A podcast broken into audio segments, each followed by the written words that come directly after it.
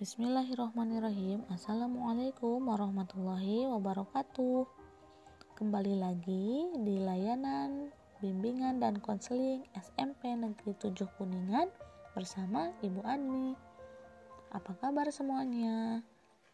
Semoga kita semua selalu dalam keadaan sehat ya.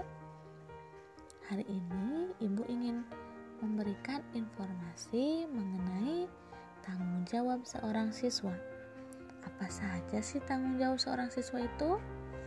Yang pertama, tanggung jawab siswa di lingkungan keluarga. Ada banyak hal yang menjadi tanggung jawab, tugas atau kewajiban seorang anak kepada orang tua. Di antaranya, satu, sayang kepada orang tua. Dua, patuh terhadap perintah orang tua. Tiga, menjadi anak yang baik. Yang keempat, rajin belajar menimba ilmu. Yang kelima, rajin ibadah dan mendoakan orang tua.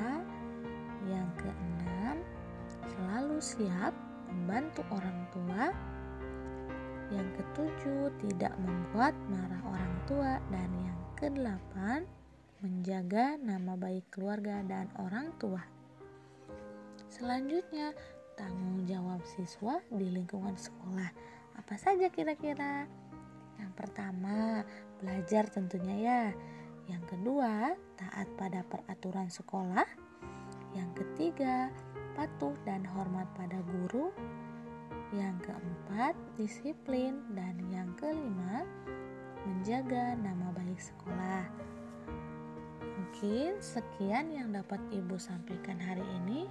Semoga informasi ini bermanfaat ya. Tetap semangat dalam belajarnya. Semoga selalu diberikan kemudahan dan kelancaran. Tetap jaga kesehatan. Wassalamualaikum warahmatullahi wabarakatuh.